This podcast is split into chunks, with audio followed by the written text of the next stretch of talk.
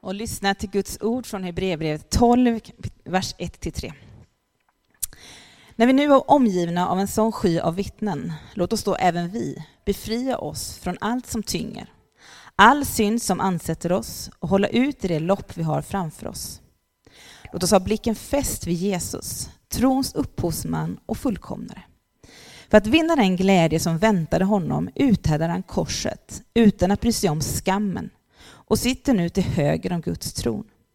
Tänk på honom som har uthärdat sådan fiendeskap från syndare så att ni inte tröttnar och förlorar modet. Vi läser också från Matteus kapitel 5, 13-16. Ni är jordens salt, men om saltet mister sin kraft, hur ska man då få det salt igen? Det duger inte till annat än att kastas bort och trampas av människorna. Ni är världens ljus. En stad uppe på ett berg kan inte döljas. Och när man tänder en lampa sätter man den inte under sädesmåttet utan på hållaren så att den lyser för alla i huset. På samma sätt skall ert ljus lysa för människorna så att de ser era goda gärningar och prisar er fader i himlen. Så lyder Herrens ord. Gud, vi tackar dig.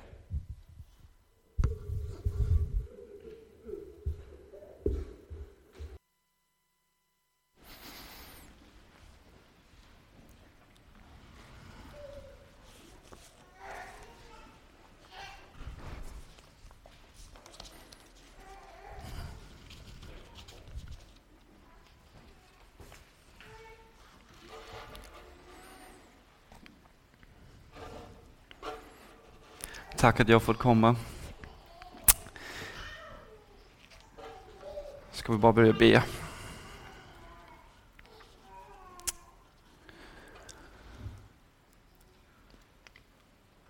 Helige Ande, vi ber att du ska öppna våra hjärtan.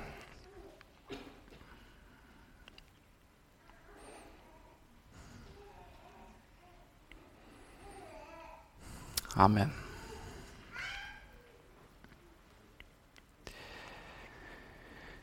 Igår firade vi Alla helgons dag. Och därför är denna söndag också till för att vi ärar dem som har gått före oss. Varför gör vi det? Victoria, jag och Elliot eh, fick den äran att besöka en ortodox kyrka i New Haven i USA där vi var i våras. Ehm, jag hade lärt känna en av diakonerna där. Han var lärare på, på Yale där jag var på min utbytestermin. Och varken Victoria eller jag hade varit på en ortodox gudstjänst innan så vi visste inte helt vad det var vi gick in till. Um, vi kör ner för Something Avenue. Um, och då anar Victoria den här stora kloss med en stor kupol på toppen bakom alléns träd. Och vi parkerar rakt framför. Vi kommer in och en äldre kvinna tar emot oss, bjuder oss välkomna. Hon rekommenderar att vi sätter oss på balkongen. De har gjort den om till någon lekplats för småbarnsfamiljer. Och på vägen upp för trappan hälsas vi av Jesus. Han har målats på väggen eh, tillsammans med alla hans liknelser. Där finns trädet, senapskornet, bonden, fåglarna, ogräset, det finns får, den goda heden.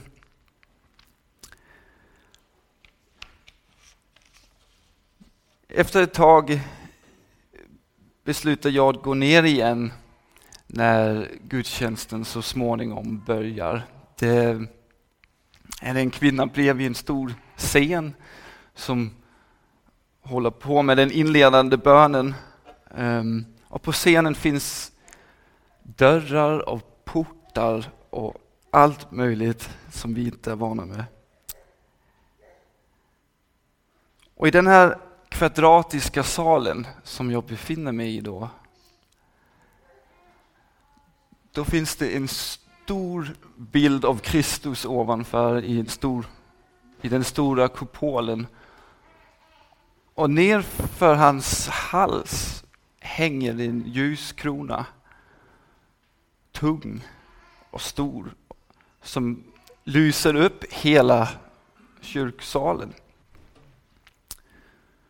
Och då kastar jag blicken runt i lokalen. Och överallt på väggarna finns kroppar och ansikten. Alla rummets ytor har målats. Det är inte ett enda hörn som har lämnats orört. Och jag får sen veta att det har tagit 28 år att måla kyrkans ytor av en ikonmålare. Och det stod bara nyligen färdigt innan vi kom. Helt otroligt var det. Det fanns bibelberättelser, änglar, lärjungarna, profeterna, Jesus, Maria. Och sen alla dessa helgon. Hundratals inramade helgon. Det är märkligt. Ehm, som protestant tror jag ju inte riktigt på de där helgonen. Men när man var så omgiven av dem så var det svårt inte att bli lite influerad. Och jag undrar där och då, hur mycket av min tro är egentligen min? Och hur mycket är inte buren av dem som har gått före mig?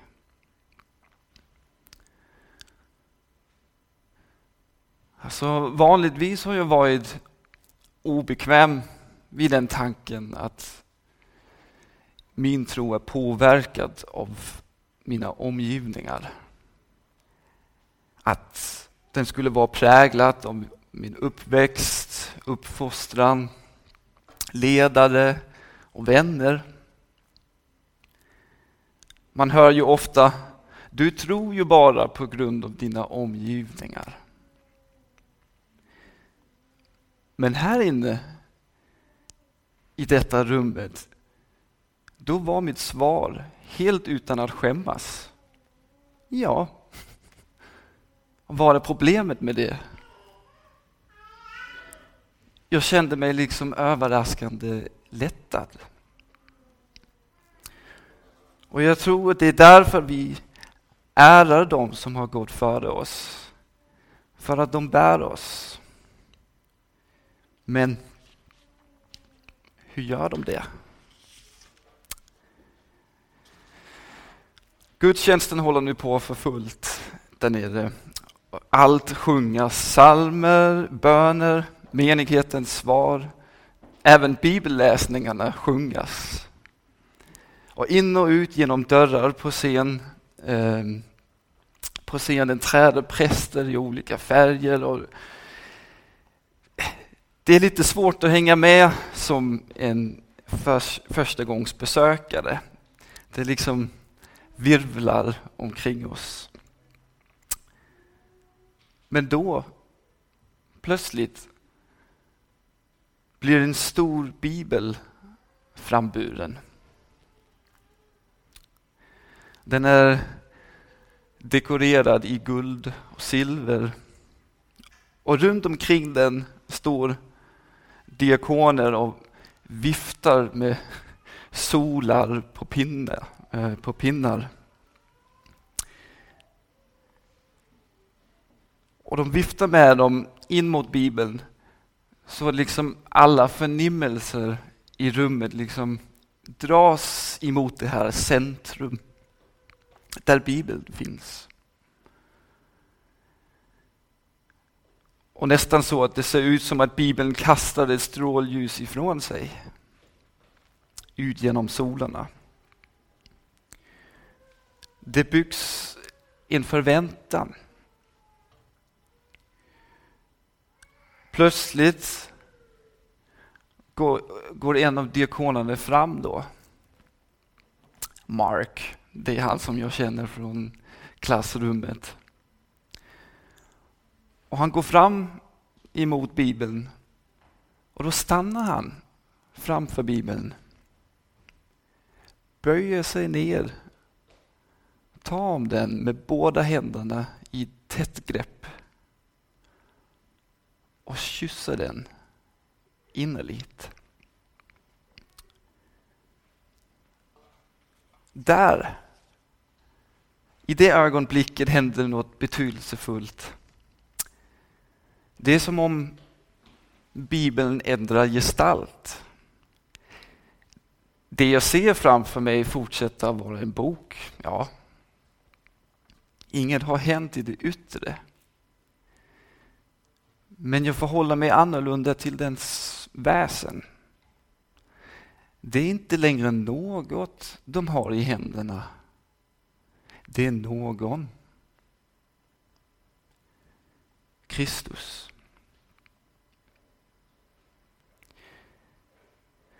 Och det, det fanns något i det sättet de omhändertog Bibeln som gjorde att jag såg vad de såg. Så påverkad av andra är min blick. Och är det inte så att vi är burna av dem som har gått före oss? Deras blick på världen är fortfarande med oss. Så som de såg på livet, andra och världen, så ser vi också. Så som de bemötte den och omhändertog den, så bemöter och reagerar jag på min värld. Hur ser du på livet? Hur bemöter du det? Och vem har lärt dig det? Det har de som har gått före dig. Och de i sin tur av de som har gått före dem och de som har gått före dem och de som har gått före dem. Och för oss som är kristna, ja, då går detta tillbaka till Kristus själv. För vem är kristen utan att ha varit i kontakt med andra kristna? Vittnet av honom har burits genom människors liv, genom århundraden, årtusen, till dig. Hur du ser på livet och världen, hur du bemöter den, är till dels Jesus sätt att se på världen. Därför är vi och minns vi idag alla som har gått före oss. Alla som har burit Kristus till oss.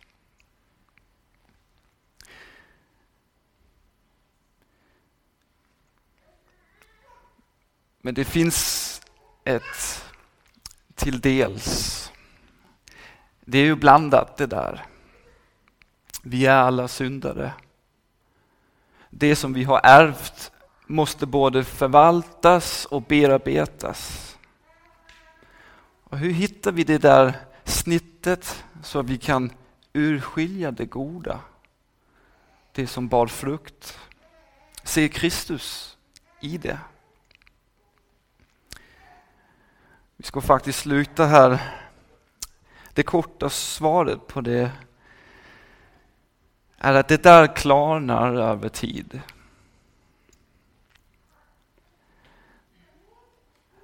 När en människas liv avrundas och har gått från vagga till grav, då bildas en ram om det livet från början till slut. Och då syns en bild inom den ramen.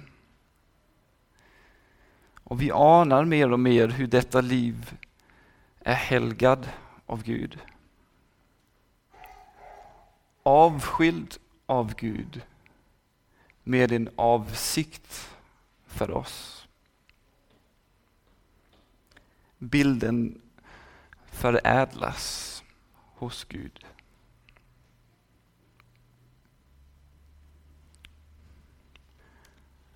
Som det står i Hebreerbrevet så träder de in så vi är omgivna av en sky av vittnen. Och som evangeliet sa det, så är, så är alla dessa vittnen, de bär ett ljus. Så låt oss ära deras minnen så vi tar del i det de ser.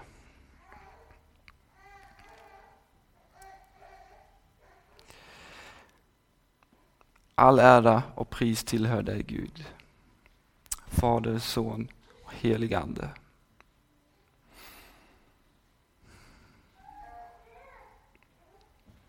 Amen.